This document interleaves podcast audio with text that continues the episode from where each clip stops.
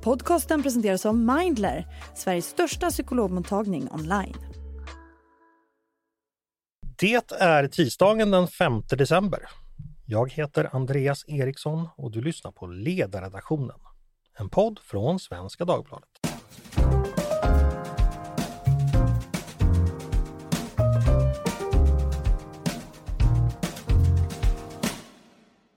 Varmt välkomna till oss denna kalla tisdag.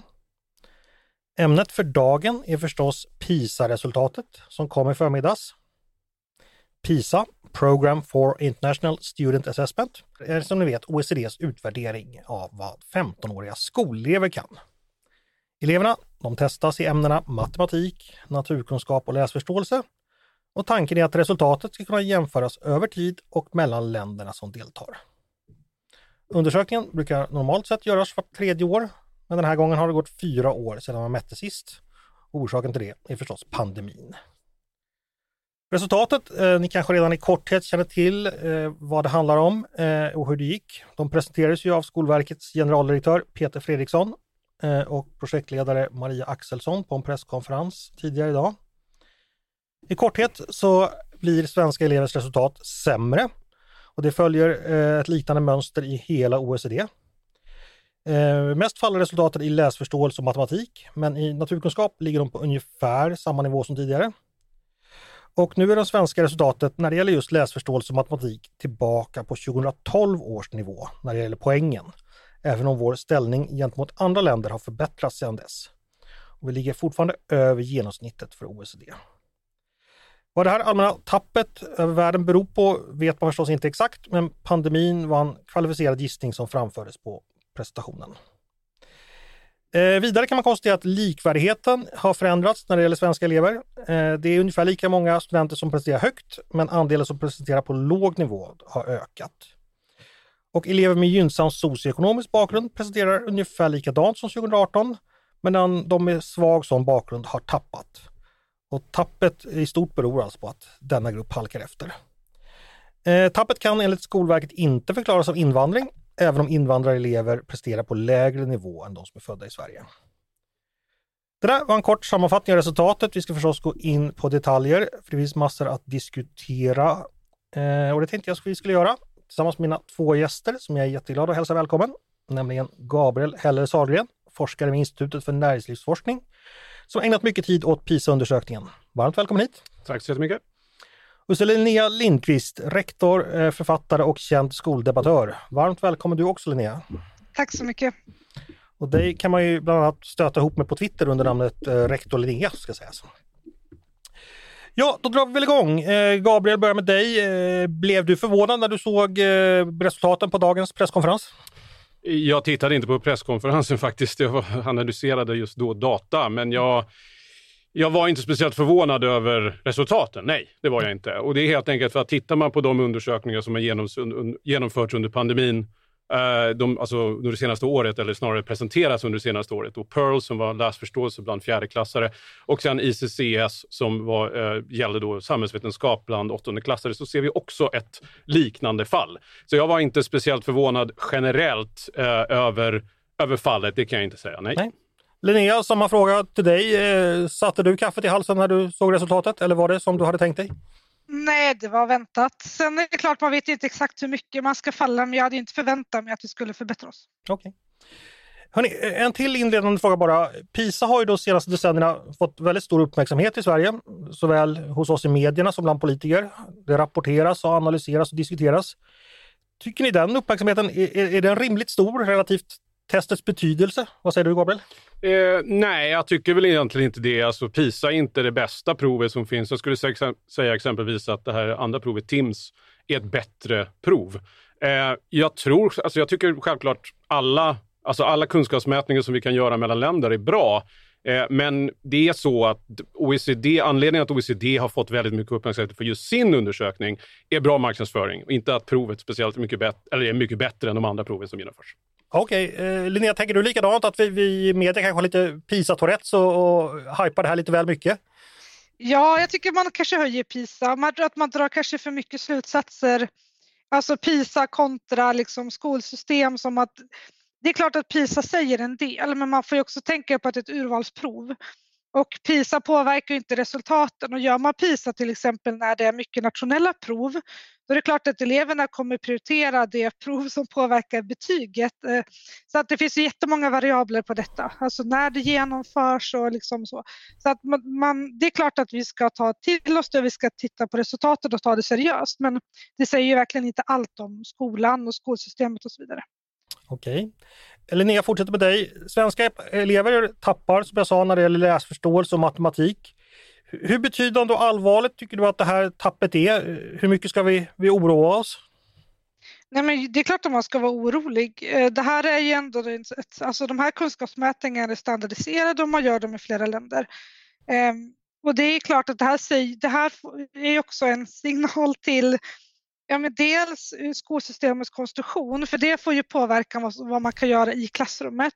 Men även givetvis hur vi undervisar och uh, våra läroplaner och liksom hela det här debattfarten många år kring ja, men särskilt stöd, extra anpassningar, hur mycket som läggs på lärarnas axlar och klara av och så vidare. Mm. Så att allt det där hänger ihop givetvis, men det är klart att vi ska vara oroliga. Mm. Sen framförallt läsförståelsen, för att om du inte liksom är en läs, läsare eh, så blir ju också matematiken givetvis svår. Det är jättesvårt att plocka ur tal ur en mattesaga eller liksom problemlösning om du inte är läsare. Så därför är TIMS viktigt också, jätteviktigt att titta på. Mm. Eh, för det är grunden till, till att klara andra ämnen också.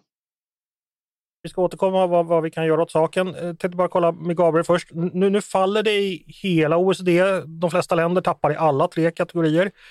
Är det rimligt att se detta som enbart en pandemieffekt eller finns det någonting annat? Vad tror du? Jag tror att det är en pandemieffekt. Huvudsakligen, det går aldrig att bevisa eftersom det kan vara andra saker som har spelat in i specifika länder. Men när det ser ut så här och vi vet att det har skett en väldigt stor förändring, nämligen pandemin, då är det ganska rimligt att tro att det är det. Det går som sagt inte att bevisa, men ja, jag tror att huvudsakligen det vi ser nu med det här fallet som sker mellan 2018 och 2022 är en pandemieffekt. Ja. Mm. Vet vi att provet är ungefär lika svårt varje gång så att det går att jämföra år från år? Ja, alltså de här proven eh, är skapade och baseras på ganska avancerad psykometri som det heter. Eh, så ja, det går att eh, säkerställa att de här proven är lika svåra eh, från år till år. Mm. Eh, så att ja, det är inte så att proven har blivit lättare eller svårare. Vet vi att de funkar lika bra och mäter samma sak i alla länder trots att det är länder med, med olika eh, språk och olika kultur? Nej, det kan man ju aldrig veta, men det är en del av provet å andra sidan. Kan man inte förstå frågan för att man inte talar språket i landet som man bor i, då är det också en effekt av, så att säga, ja, det är en effekt av då invandring i det, i det fallet, men eh, det är en del av det hela, så att säga. Kan man inte svara, det är ungefär som ja, men Linnea sa där, kan man inte språket så, och ska svara på matte, då blir det svårt ändå. Va? Eh, så att jag skulle säga att eh, det är klart att de mäter kunskaper och kognitiva färdigheter. Eh, om det, om det fångar upp en språkeffekt eller om det fångar upp eh, låga prestationer i ren matte, det, det spelar inte så jättestor roll skulle jag säga. Okay.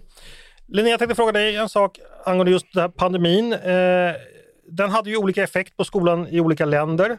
Vissa länder satt eleverna hemma, så var det inte i Sverige. Jag tänker så här, hade man kunnat förvänta sig att Sverige skulle inom citattecken då belönats för den politiken att vi inte borde ha tappat lika stort som alla andra för att vi faktiskt höll skolorna öppna. Kan man resonera så eller hur tänker du? Nej, men, jo, skolorna var ju förvisso öppna, men sen är frågan vad kunde man göra i skolorna? Många elever hade ju väldigt hög frånvaro, lärare hade väldigt hög frånvaro. Mm. Så att jag tänker det blir ju ett, ett liksom avbrott i den ordinarie undervisningen under pandemin. Mm. Så det är klart att det har påverkat jättemycket. Ja, man kan ju som sagt som Gabi säger inte bevisa vad som är vad. Men det är klart att det är en jättestor, jag tror ju absolut att det är en stor pandemieffekt. Som vi då märker, inte i form av stängda skolor men, men hög frånvaro och att skolan helt enkelt blev annorlunda under pandemin. Ja men exakt så var det ju. Mm. Den blev ju väldigt annorlunda. Eh, Gabriel, vad tänker du om eh, skolstängningar versus icke-skolstängningar? Kan man se någonting effekter på olika länder tror du här?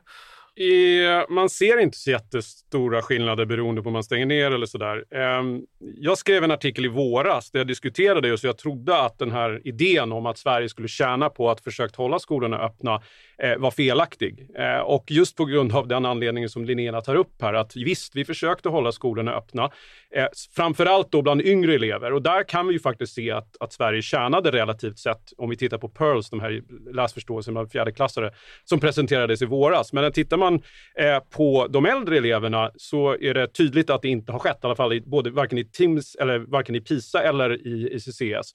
Eh, och det tror jag helt enkelt har att göra med att man att, precis som Linnea sa, eh, det var extremt stor frånvaro. Vi hade högre smittspridning än många andra länder, vilket kanske ledde till ännu högre frånvaro.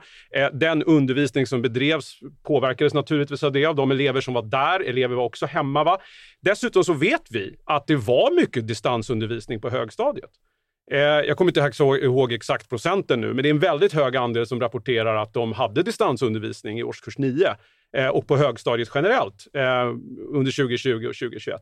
Ehm, så att jag menar, och dessutom så är det så att till skillnad från många andra länder som stängde ner ordentligt och sa nu ska vi göra det här i, i några månader eller vad det är, vi ska ha hemundervisning och sådär och distansundervisning, så var det mer eh, liksom, det var en väldig instabilitet i Sverige. Man skulle in i skolan en dag, sen skulle man ha distansundervisning nästa dag. Sen kanske man skulle tillbaka till skolan. Ibland körde man det ve veckovis, ibland körde man det dagligen. Så att jag, jag är inte alls eh, förvånad egentligen. Så jag trodde inte att vi skulle tjäna speciellt mycket på det här, i alla fall inte bland äldre elever. Eh, så, så, att ja, nej. Jag, jag tycker definitivt att, att eh, jag tror att det var mer hopp än analys som att vi tänkte att vi skulle tjäna på att försöka hålla skolorna öppna så mycket som möjligt. Mm. Eh, då uppstår ju frågan eh, framöver här, har vi, har vi då en generation covid, alltså några kohorter som helt enkelt kommer ha det svårare? Kommer vi se motsvarande effekter på högskolan och i arbetslivet senare? Det är svårt att veta, men, men om ni vill spekulera, är det någon som vill tänka någonting om det? Linnea exempelvis? Ja, alltså det är klart att man kan arbeta ikapp, men det är ju svårt att arbeta kapp samtidigt som man ska följa med i den ordinarie undervisningen. Risken är väl kanske att man får lägga för mycket tid på repetition vilket gör att du heller inte kommer framåt och kan omfamna liksom hela det centrala innehållet. Mm. Det är väl en farhåga jag har. Gabriel, vad tänker du? Är det här någonting vi kommer kunna följa den här årgångarna framöver och se att det, det händer någonting under de här åren?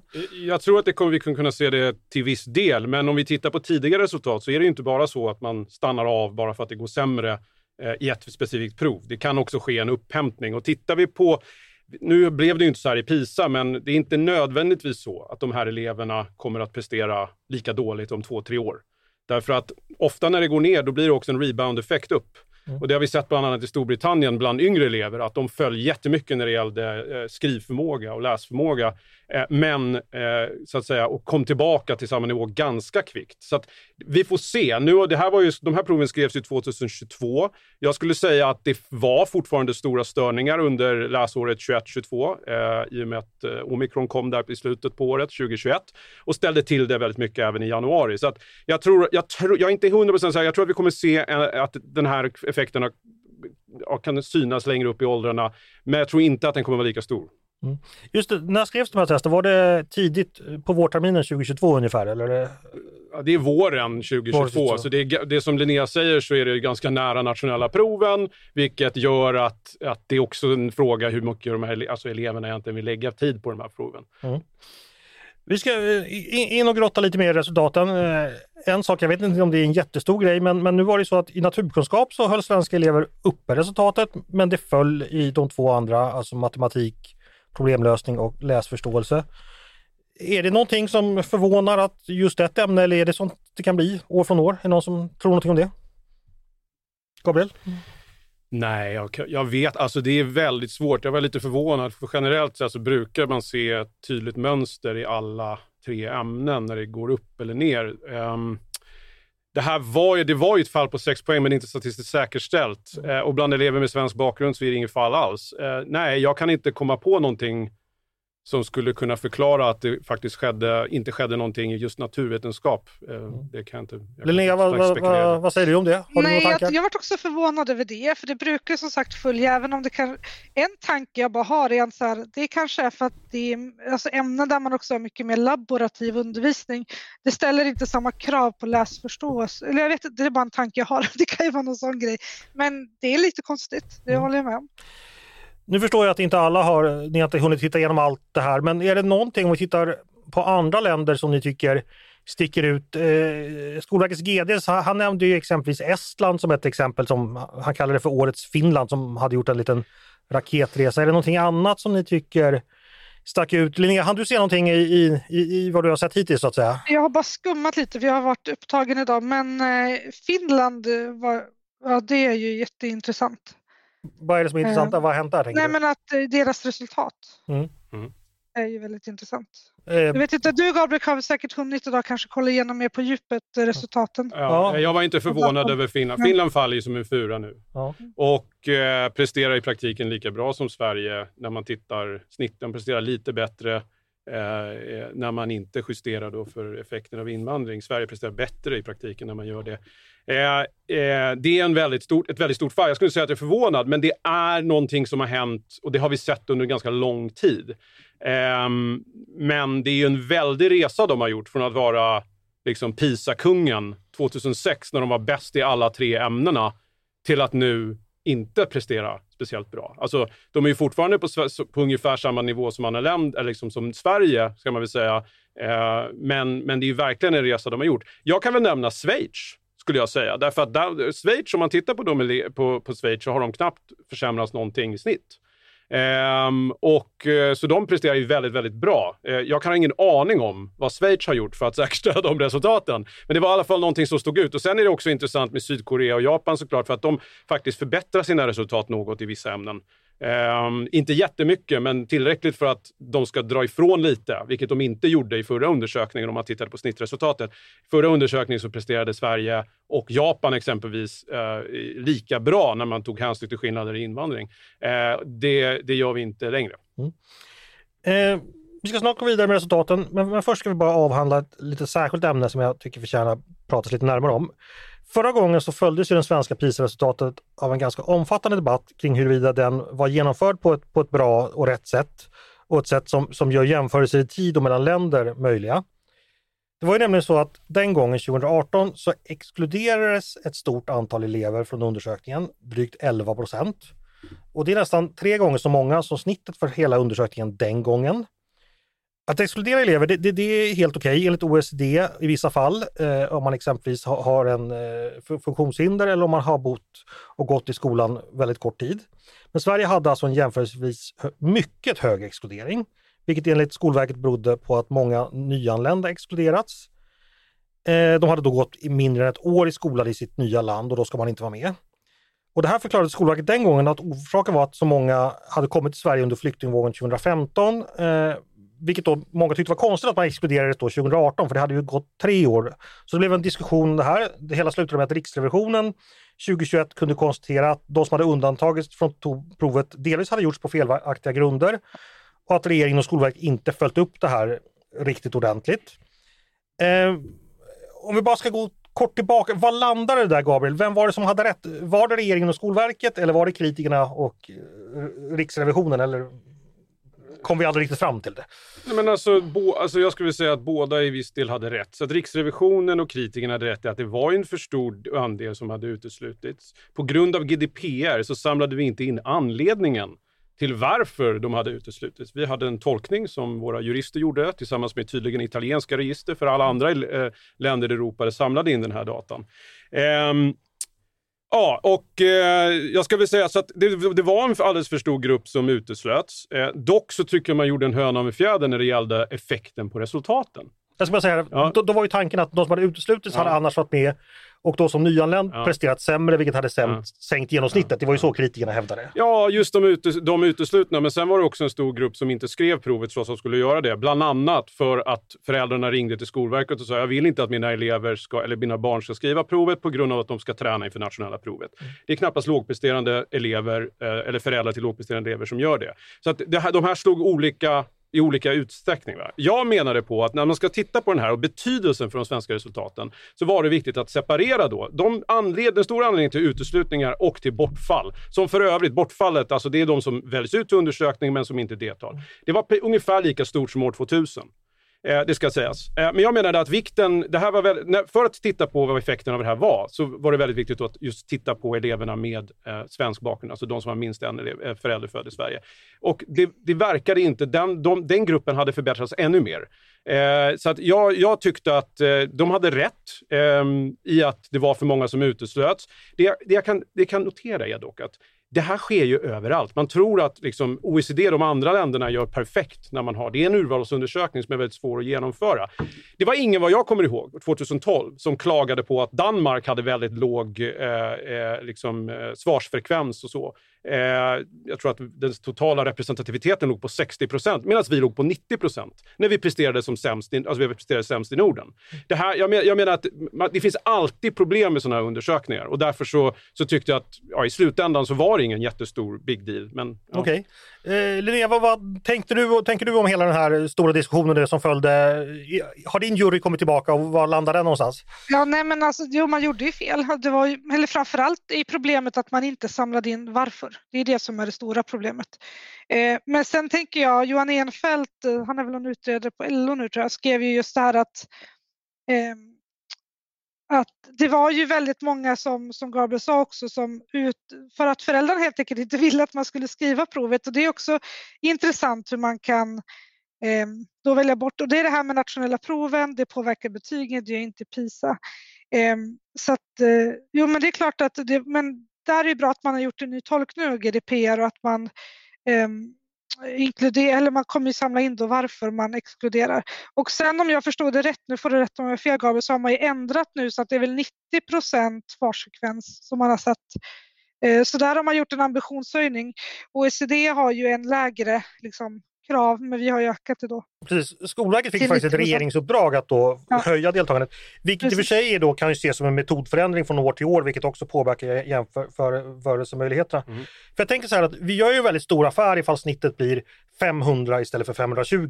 Så. Men om då här måste man ju göra någon form av känslighetsanalys också, alltså hur mycket är skillnaden på ett bortfall på 7 eller 11 procent och vad är den gruppen? Och i slutändan så kan det ju lätt bli så att man varken vet ut eller in här nästan. Att, att vi kanske drar på för mycket på förändringar som i själva verket skulle kunna, men vi vet inte, förklaras. Förstår du vad jag menar Gabriel? Ja, jag förstår, men man måste också komma ihåg att förändringarna mellan 2015 och 2018 i snitt var inte statistiskt säkerställda. Just för att man ska fånga upp den här osäkerhetsfaktorn som finns bland annat med ett högre bortfall och en större exkluderingsgrad. Så att idén är att proven till viss del tar hänsyn till det här. Så att, så att eh, eh det var ju aldrig så att resultaten, vi sa, egentligen kunde man inte säga att resultaten hade fortsatt att förbättras. Nej. Fast vi i media drog ju på det. Alltså vi ser ju minsta poängförändring som någonting, ja. alltså det, det, ja. det är ju medialogiken så att ja, säga. så är det. Och det är i viss mån den politiska logiken. Ja, ja, absolut. Say hello to a new era of mental health care. Cerebral is here to help you achieve your mental wellness goals with professional therapy and medication management support. 100% online. You'll experience the all new Cerebral Way, an innovative approach to mental wellness designed around you. You'll get a personalized treatment plan from a therapist, prescriber, or both in a safe and judgment free space. Your cerebral therapist or prescriber will outline a customized plan with clear milestones along the way so you can get to feeling your best. With Cerebral, you're not alone in your mental health journey. We're here to empower you to live a fulfilling life. So take that first step towards a brighter future and sign up today at cerebral.com slash podcast and use code ACasts to get 15% off your first month. Offer only valid on monthly plans. Other exclusions may apply. Offer ends July 31st, 2024. See site for details. Nu ska jag säga att i år då var det 7,4 procent som exkluderas, högre än snittet och också högre än den gräns som OECD har för att man ska förklara bortfallet, men alltså mindre än förra gången. Eh, sen kan jag säga då också att hur många som deltar av de som faktiskt ska delta, det har ju fallit egentligen hela tiden. Eh, och jag vet inte om vi behöver säga någonting om det, det är väl någonting som allmänt finns i ganska många dataserier att alla vill kanske inte vara med. Ja, Gabriel, du som är forskare, är det någonting, påverkar det att det gradvis blir färre av totalen som är med? Det kan påverka om det är allt för många. Alltså Mm. OECD gör ju analyser inför varje, undersö- alltså inför varje rapport eh, för att se, okej, kan det här ha påverkat och i så fall hur mycket? Och är det väldigt stora skillnader, då brukar de kunna säga att det här är inte tillförlitligt. Mm. Eh, Eh, så att, eh, jag skulle säga att bortfallet, men som jag sa, bortfallet var ungefär lika stort. Nu är det ju större än vad det var 2000, men i 2018 års undersökning så var det ungefär lika stort som, som eh, år 2000. Ehm, men ja, nej, alltså det, det är klart att det kan påverka, men det är därför man har också OECD som en slags eh, en, en grupp som ska sitta och, och, och, analysera de här sakerna innan man går ut med om de är tillförlitliga eller inte. Okej, då, då lämnar vi det och fortsätter prata resultatet. Eh, som jag sa inledningsvis har andelen som presterar då på låg nivå ökat i årets undersökning.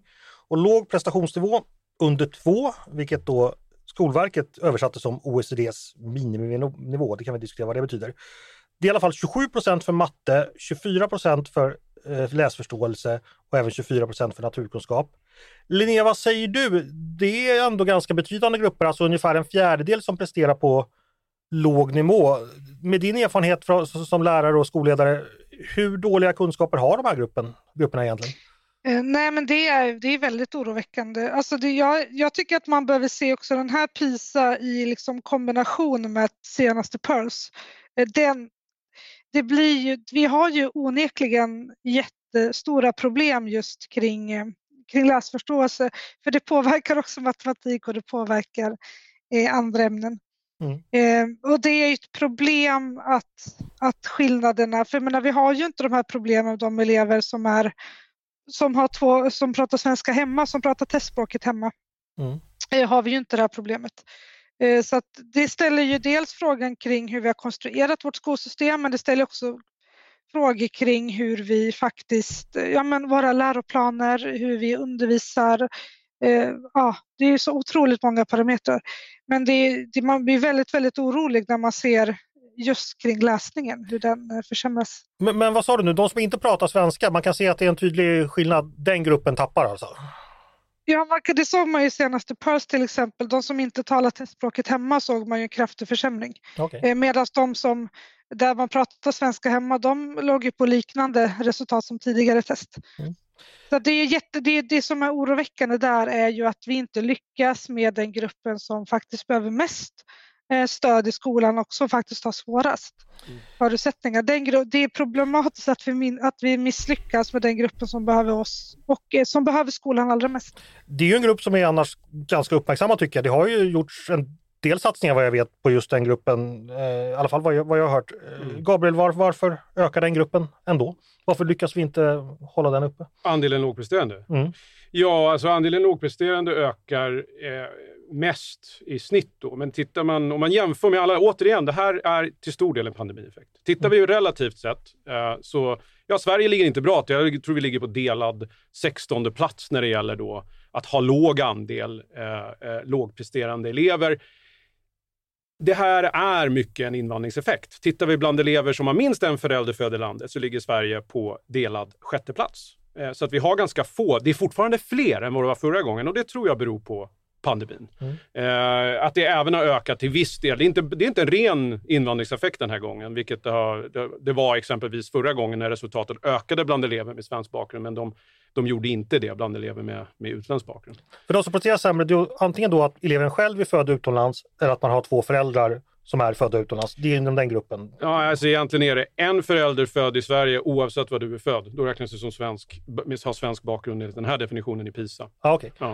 Eh, men den, så har du minst en förälder född i Sverige, den gruppen eh, tuffar på rätt bra. Men Ja, andra- jag skulle inte säga att tuffa på rätt bra. Den har fallit också, så att den ligger, jag tror att det är runt 16 procent som eh, underpresterar där. Eh, jag menar bara, tittar du på andra länder, för det är återigen, när alla faller, någonting har ju hänt i världen som har gjort att alla de här länderna faller, då blir det mer viktigt att titta, är det någonting vi gör med skolan? Om vi ska kolla på, är det skolan eller någonting annat vi gör som är så konstigt? Eh, när, det in, när det verkar vara så att alla andra faller och, och eh, vi tittar på den här gruppen som har då minst en förälder född i Sverige, och ändå ligger på delad sjätteplats i, i, i OECD. Ehm, då, det är klart, nej, det är inte bra. Absolut inte. Och det är, vi, måste göra, vi måste hjälpa de eleverna att eh, förbättra sig igen. Men det är i alla fall en förklaring till att det ökar. Jag skulle inte, så att, om du förstår vad jag menar. Ja, jag förstår. Eh, Linnea, vad tänker du med, med... Det har ju ändå satsats en del, vad jag vet, kanske inte alls tillräckligt på, på den här gruppen som är lågpresterande. Behöver det göras mer och i så fall vad? Men jag tänker att vi behöver stanna upp lite grann och tänka vad är det vi gör? Alltså politiker är väldigt pigga på att komma med reformer. Alltså skolan har blivit ett lapptäcke. Eh, man lägger en massa så här döttreformer hela tiden. Men vi behöver ta ett helhetsgrepp och titta på vad är det forskningen som vi vet som faktiskt gynnar elevernas lärande. Vilka, vad vet vi om vad som är det bästa sättet att konstruera ett skolsystem? Eh, så vi behöver börja fatta beslut utifrån vad som är bäst för eleverna, inte liksom politikernas nyckfullhet. Mm. Okej, okay, eh, vi ska få återkomma lite där. Jag ska bara tröska lite resultat till. Mm. Eh, just det här med invandringseffekt, för att eh, invandringen förklarar inte tappet mellan 2018 och 2022, mm. sa ju Skolverket idag. Mm. Eh, förstod, jag, jag, förstod jag det rätt Gabriel? Mm. Du köpte inte det, eller vad tänker du om det? Är det sant att invandringen förklarar inte? Det är så här, de, jag tror att de pratar om invandringen som de som är födda utomlands framför allt. Mm. Eh, det förklarar inte, de eleverna förklarar inte det. Sen är det också viktigt att komma ihåg att den data som används när man studerar de här sakerna, de exkluderar elever som inte svarar på de här frågorna, som tenderar att ha låga resultat och tenderar att ha utländsk bakgrund. Eh, när man tittar, bara genom att titta på, det enda du behöver titta på för att veta hur invandringen specifikt har, har påverkat, det vill säga den totala effekten av invandringen, inte bara de som kom 2015 eller 2016 och där, utan den totala effekten i och med att Sverige har gått från ett land som hade väldigt låg andel elever med utländsk bakgrund till att ha en väldigt hög andel. Och det är även elever som är födda i Sverige. Eh, som, som, eh, som vi idag misslyckas väldigt mycket med. Eh, och tittar man då på de två kurvorna, det vill säga jämför snittkurvan med den kurvan bland elever med minst en förälder född i Sverige, så ser vi att det finns en ökad effekt. Det vill säga skillnaderna är större mellan snittet och mellan de som, kommer, som har svensk bakgrund. Så att om man tittar på eleverna med svensk bakgrund föll de tillbaka till 2015 års, 15 års nivåer. Snittet föll tillbaka till 12, 2012 års nivåer. Mm. Eh, och så att det är ett ytterligare växande gap. Och det här är ett problem som, som eh, vi har haft ganska länge. Vi har näst högst, eller ja, tillsammans med Finland, som misslyckas också extremt med sina elever som har utländsk bakgrund, så har vi högst gap. Jag tror ungefär 76 till 80 poäng beroende på vilken grupp man jämför med, men ungefär i snitt 80 poäng, 75 till 80 poäng eh, skillnad mellan elever som har en förälder född i landet och de som inte har det. Det är en extrem skillnad och kan motsvara ungefär ja, tre skolårs inlärning. Um, så att uh, det finns en effekt av invandringen. Det beror bara på vad man pratar om invandringen. När jag säger invandringen menar jag den totala effekten över decennier. Mm, okay. ja.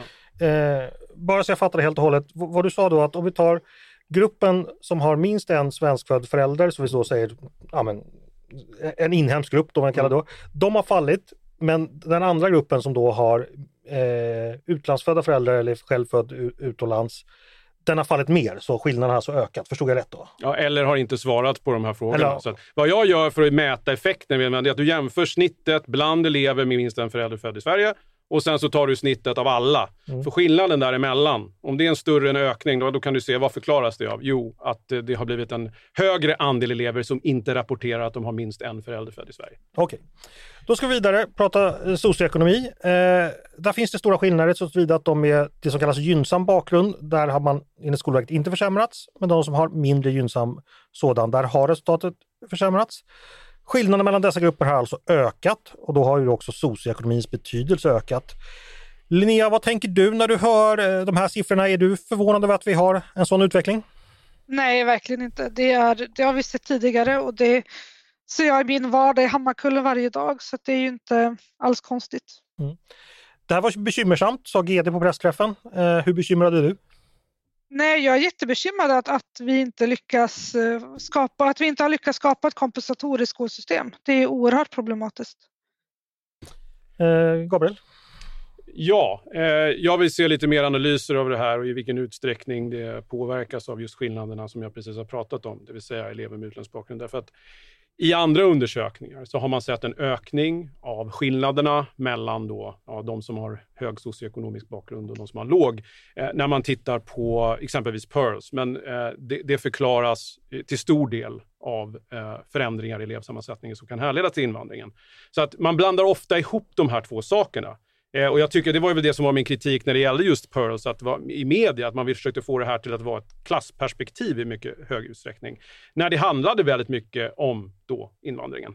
Eh, det betyder inte alls att vi inte har saker att göra, tvärtom. Det här är ju det största, jag skulle säga det största problemet i svensk eh, skola idag. Så vi måste göra väldigt mycket för att stärka de här eleverna. Men jag menar att man kan, om man pratar om socioekonomi, pratar man verkligen om socioekonomi eller pratar, pratar man om demografiska för, alltså skillnader och eh, skillnader när det gäller eh, alltså invandringsbakgrund? Men tenderar inte det att sammanfalla ofta i Sverige? Ja, det gör ju det nu. Men eh, det, det, är också en, det är två olika policy, för då är det just den gruppen som det handlar om. Och det är andra lösningar. Jag menar, är det så att elever med svensk bakgrund som har låg socioekonomi, för att stärka dem är inte nödvändigtvis säkert att vi behöver göra samma saker som vi behöver göra för att stärka elever som har utländsk bakgrund eh, och som råkar ha låg eh, socioekonomi. Det är två olika saker. Okej, okay. och vad säger du? Vet vi tillräckligt om det här för att kunna lämna något svar när det gäller det? Vad är, vad är det viktigaste? Den demografiska bakgrunden eller socioekonomin?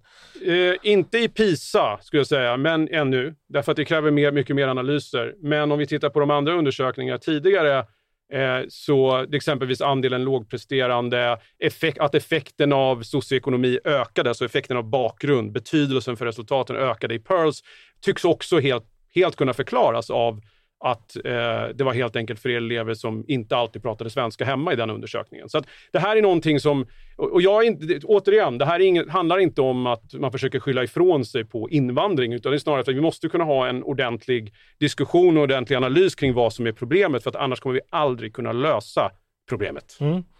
Eh, Linnea, har du någonting att lägga till där? Det här med, med invandringsbakgrund versus infödd bakgrund och socioekonomin och om de, de, den variabeln far, samman, sammanfaller eller om det, det, det, det ska diskuteras på olika sätt? Nej, men man behöver ju som sagt titta. Jag har inte hunnit gå igenom resultaten noggrant, så man behöver titta på det.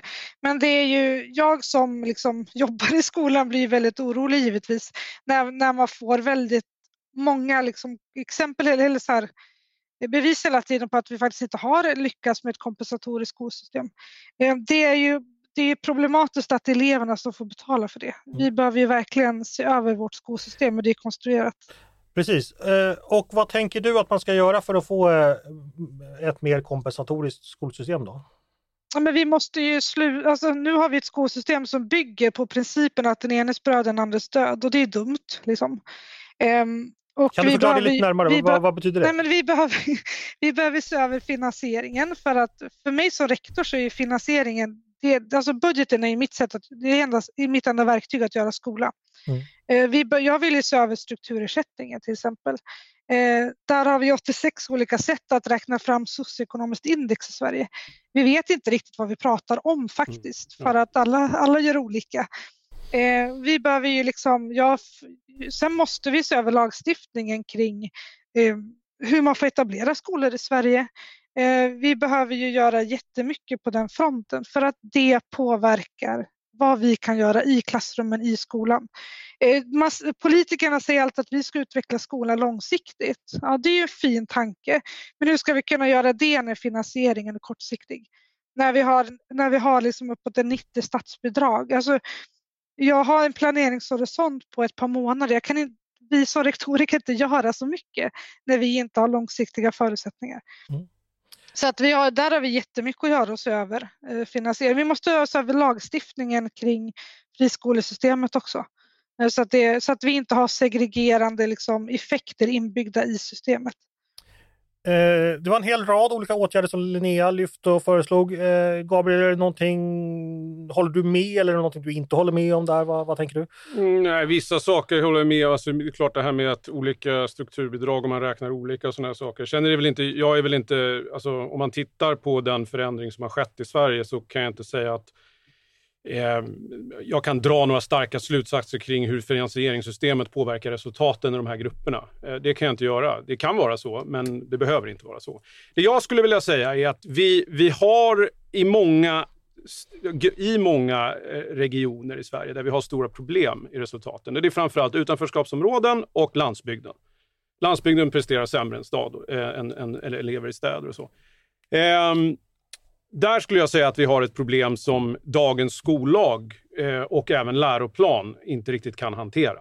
Eh, och det gäller just, jag har föreslagit det förut, eh, det vill säga jag tycker att vi ska införa så kallade no excuse-skolor no excuse i eh, utanförskapsområden och gärna på landsbygden också. Eh, det här bygger på en, eh, en eh, så att säga, teori och empiri kring ja, mer strukturerade skolor, skolmiljöer, starkare disciplin, både positiva och negativa konsekvenser för eleverna, skoluniform och sådana saker. Det är väldigt svårt att genomföra sådana reformer på riktigt idag. Så om man åker och jämför då med de här skolorna som finns i England och USA, så, skulle jag, så, så är det väldigt svårt att göra inom ramen för dagens skollag och läroplan. Okay. Så att de, jag, skulle, jag skulle gärna vilja ändra de, de punkterna där i de, i de styrdokumenten. Linnea, Gabriel tycker att du ska köra en New Excuse-skola i Hammarkullen. Tänk, tror du att det är en bra idé? Nej men alltså det är klart att om man inte vill prata om de verkliga problemen kan man ju dra, dra fram det ur, ur rockärmen. Liksom. Men jag tänker att vi behöver börja från grunden och konstruera ett skolsystem som i sin konstruktion är kompensatoriskt. Och sen tycker jag en viktig sak som vi inte har pratat om det är ju OECD har skrivit landrapporter och de har ju Andreas Schleicher som är deras utbildningsdirektör eller chef för vad det heter i, hans, i OECD eh, har ju kritiserat Sveriges marknadssystem väldigt, väldigt länge. Han har sagt i DN att i Sverige är lärare servicepersonal. Mm. Han har sagt att vi började, vi började förlora vårt skolsystem när vi införde marknadsprinciper. Han var ju här och forskade på 80-talet och fick han inte frågor om ja, men vilken skola är den bästa, har jag gjort rätt val och så vidare.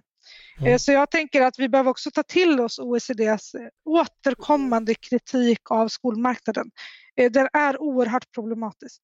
Gabriel? Min rekommendation är inte alls att lyssna på OECD när det gäller att göra reformer till skolsystemet. Även om, bara för, i det här fallet så råkar det sammanfalla med någonting som, som, som, som Linnea vill. Andreas Schleicher åker runt och säger precis vad som helst som passar vissa politiker, eh, eh, liksom, som vissa politiker gillar. Det här är en del av marknadsföringen skulle jag säga. Eh, de har inga, alltså de analyser som OECD gör av själva datan, de är väldigt dåliga man kan inte dra några som helst slutsatser från de analyserna. Och det som Andreas Schleicher står och säger på presskonferenser har ingenting med verkligheten att göra, det vill säga forskningen kring vad som fungerar i skolan. Mm. Där, men med det sagt så betyder det inte att alla de reformer eller sådana saker som, som Linnea pratar om är nödvändigtvis fel. Men jag skulle bara akta mig för att, för att, liksom, för att gå till OECD och fråga vad, som, vad, vad liksom Sverige behöver göra för att stärka resultaten. Lita inte på någon som heter Andreas i, i Leksand här. Eh, skoldebatten, nu kommer vi in på det, det har de senaste åren ofta handlat om eh, marknadsskolan, vinstdrivande friskolor som då anses från, från vänster men även från annat håll ha ett negativt inflytande på hela skolsektorn. Att det bidrar till segregation och att den kommunala skolan dräneras på resurser eh, och så vidare. Eh, jag vet inte Linnea, vill, vill, du komplettera något kring det? Eh, den här undersökningen, har den någon bäring för, för den diskussionen, tänker du, och i så fall hur? Nej, men jag tycker att när man får de här, alltså jag tycker vi måste prata mer om att, att hur vi konstruerar systemet får påverkan på vad vi kan göra i klassrummet. Vi, måste, vi kan inte bara hela tiden prata eller på aggregerade nivåer. Vi måste också titta liksom vad förutsättningarna för oss på golvet. Eh, det är jätteviktigt. Tänker jag. jag tycker vi pratar alldeles för lite om det. Och sen jag, jag, jag personligen har ju liksom inga problem med vinster. Jag har problem med incitamenten för lönsamhet. Det är det jag tycker är problematiskt. Mm. Eh, och jag tycker också att man, vi måste sluta prata om friskolor. Vi behöver prata om lagstiftningen i systemet. Så att säga. Det är där vi behöver förändra. Okej, okay. eh, det här är som bekant en stor och kanske delvis annan diskussion, men nu var vi lite inne på det. Jag tänkte vi skulle sy ihop det här. Eh, jag tänkte ni ska få varsin liten avslutning där ni får säga... Får jag bara säga en sak kring de, okay. just den här grejen? Därför att det går ju faktiskt att studera de här sakerna. Och jag har gjort en analys, inte av PISA, men om du tittar i TIMS, den andra undersökningen. Eh, och visst, det finns alltid osäkerhetsfaktorer. Men i den undersökningen så finner jag ju inga tecken på att friskolorna eller då marknaden eller skolkonkurrensen har påverkat elever i kommunala skolor negativt. Tvärtom så verkar det som att de har höjt sig eh, och att effekterna är större än om man tittar på, eh, tittar på betygen. Eh, och jag kan inte heller säga att det är så att elever som, som, som så att säga, lågpresterande har förlorat eh, på det heller, utan de verkar också höja sig något, om något lite mindre än, än mer högpresterande elever. Så jag bara säga, den här empirin för att det svenska skolsystemet skulle ligga bakom eh, de här problemen som vi har och eh, är väldigt, är väldigt svag, skulle jag säga. Eh, det betyder inte att man inte behöver göra reformer till systemet. Jag är väldigt för reformer till systemet och jag tycker man måste titta över finansieringen också. Eh, men jag är också återigen precis samma sak som när man tittar på och säger att oh, Sverige presterar så himla dåligt och sen så fort man bara tittar och, och justerar och, så att man kan jämföra lika med lika eftersom andra länder har haft eh, olika invandring och så plötsligt presterar Sverige bland de bästa OECD. Av samma anledning så måste man tänka sig att det här systemet som vi har kanske inte ligger bakom de problemen utan det finns andra saker som gör det. Mm. Just det, jag kom på en fråga till innan vi, vi avslutar. Nu, nu, vet vi då att Sverige tappade eh, ganska mycket. Det gjorde resten av världen också, så att relativt andra länder, som jag uppfattar det, ligger vi på ungefär på eh, ungefär samma nivå jämfört med andra länder som tidigt. Så det här kanske inte är så jättedramatiskt dagens besked så att vi kan liksom falla, fälla en dom över svenska skolan på lång sikt. Vad tänker ni om det? Alltså, vi vet att det finns bekymmer men eh, an, andra har också problem. Om jag drar den slutsatsen, tycker du den är rimlig då eller protesterar du? Nej, men alltså, man kan inte dra några jättestora slutsatser. Det här är en indikation, tänker jag, på att, på att vi som sagt, vi har haft en pandemieffekt. Vi behöver ju följa det här framöver. Liksom, hur går det i nästa, nästa mätningar? Men det är klart att jag, menar, jag läser ju otroligt mycket liksom, konsekvensrapporter, offentliga handlingar och allting. Så, och man ser ju väldigt tydligt beskrivet hur det här påverkar eleverna. Det ser jag själv i min vardag som, som verkar i det här skolsystemet. Och sen är det klart att man kan på aggregerad nivå titta på olika aspekter och få, få olika liksom resultat. Men det är klart att det påverkar systemet och eleverna och lärarnas arbetsmiljö framför allt och förutsättningar. Så det är klart att skolmarknaden är ju ett av de absolut största problemen. Okay. Det är därför inget annat land har tagit efter oss. Hade det, hade det här varit bra hade andra länder tittat på Sverige och gjort likadant. Ja, det finns faktiskt länder som har gjort det, även om de inte har gjort samma sak. Jo, det går inte så bra för dem heller. Vi har gett, England England har 80 procent elever som går i fristående skolor som finansieras direkt av staten. De är inte vinstdrivande då. Eh, Gabriel, samma fråga till dig. Det här med att dagens besked skakar inte om vår bild totalt av den svenska skolan. Är det, är det en rimlig slutsats? Ja, nej absolut inte, skulle inte jag säga. Vi tittar ju, när man justerar återigen för eh, olika demografier så presterar vi ju delad femma i OECD. Det är väl inte så dåligt. Men jag vill bara också kommentera här, det som vi pratade om tidigare. Faktum är, det vi säger så här, i Sverige, Sverige hade så hög exklusionsgrad och bortfall 2018. Ja, men titta hur det ser ut idag då om du jämför med andra. Det är flera länder som OECD säger de här resultaten är inte tillförlitliga. Bland annat Storbritannien som har beräknat ungefär 7-8 poäng hög, eh, eh, överdrivna resultat. Eh, Kanada har också fått en varningssign. Danmark har fått en varning, eh, Irland har fått en varning, Nya Zeeland har fått en varning. Eh, och plötsligt står vi där, som du noterade tidigare, har det här påverkat våra resultat? Ja, det kan mycket väl ha gjort det, att det, har sett, att det ser sämre ut i Sverige för vi har blivit extra noggranna den här gången medan andra har blivit mindre noggranna. Jag tycker inte vi ska hålla på och skylla på det, precis som vi inte skulle skylla på resultat, att de bra resultaten liksom, eh, i, i den förra undersökningen. Men jag bara ville notera det eh, eh eftersom eftersom det, det, var en viktig poäng eh, relativt hur vi presterar idag. Just det. Då går vi in på, på avslutningsrundan. Då tycker jag, nu har det, det har funnits lite olika åsikter och så här, då brukar jag låta var och en få, få avsluta med vad just den personen tycker är viktigast att lyssnarna eh, ska ta med sig från dagens PISA-resultat och den här diskussionen. Vem vill börja? Jag kan börja. Nej, men jag tycker att man ska ta med sig att vi eh, jag tycker inte man ska dra för stora växlar. Det här betyder inte att det, det ska inte vara någon domedagsprofetia liksom, utan men vi, som sagt, vi har precis som andra länder tappat mycket och vi behöver, vi har en del att hämta hem helt enkelt. Och vi behöver se över förutsättningarna för oss som arbetar på golvet. Okej, okay, tack för det. Det tänker jag är jätteviktigt.